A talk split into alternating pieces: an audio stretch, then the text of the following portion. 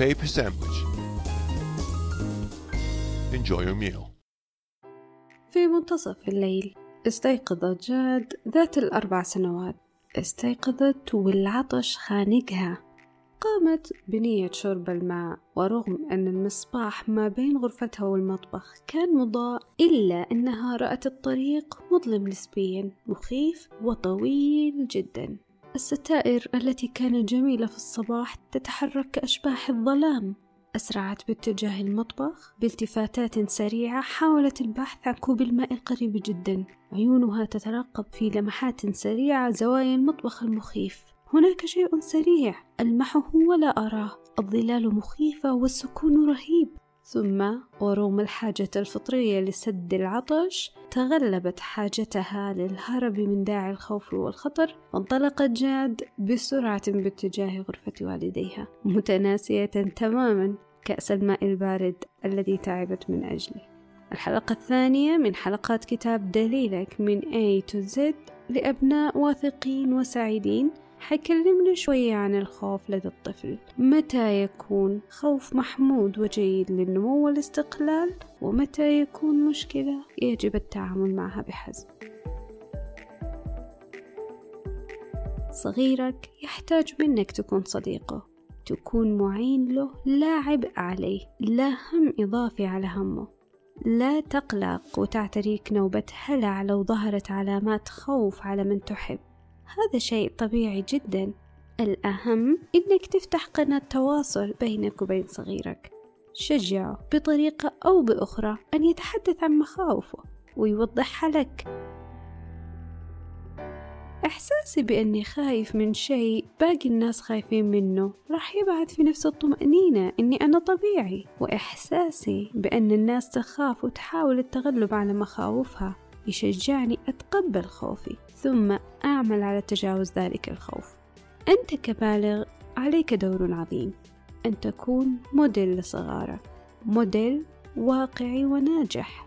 موديل يعتريه الخوف والقلق لكنه يستطيع بإرادته بعد الله أن يتغلب عليهما. لا تكن ذلك الأب المصفح الذي لا يخاف وإلا فأنت حتخلي أبنائك يشكوا في إمكانياتهم. كن استراتيجيا محنك. فيها إيه مثلا لو كلمت أبنائك عن خوفك من الظلام في طفولتك؟ فيها إيه لو وصلت لهم رسالة مبطنة مفادها؟ يا ابني خوفك اللي أنت فيه الآن مرحلة طبيعية حتتغلب عليها.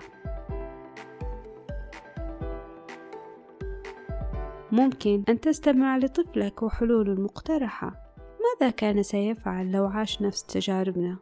كن استراتيجيا محنك واستدرج صغارك لطرح اقتراحاتهم لحل مشاكلهم.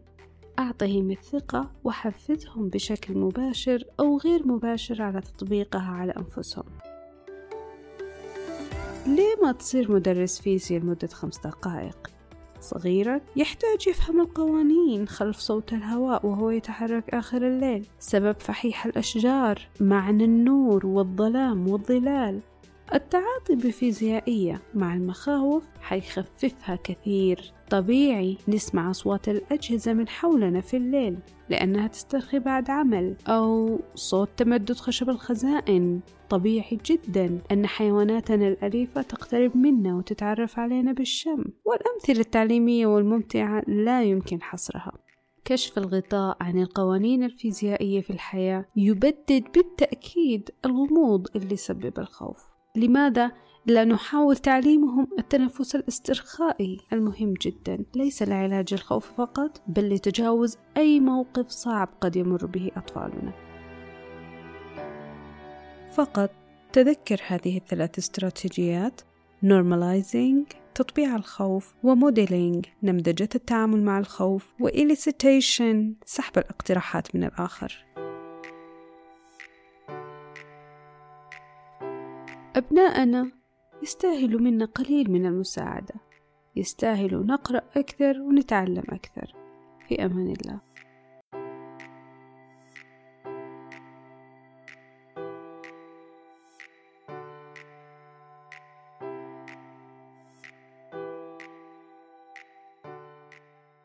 Paper sandwich.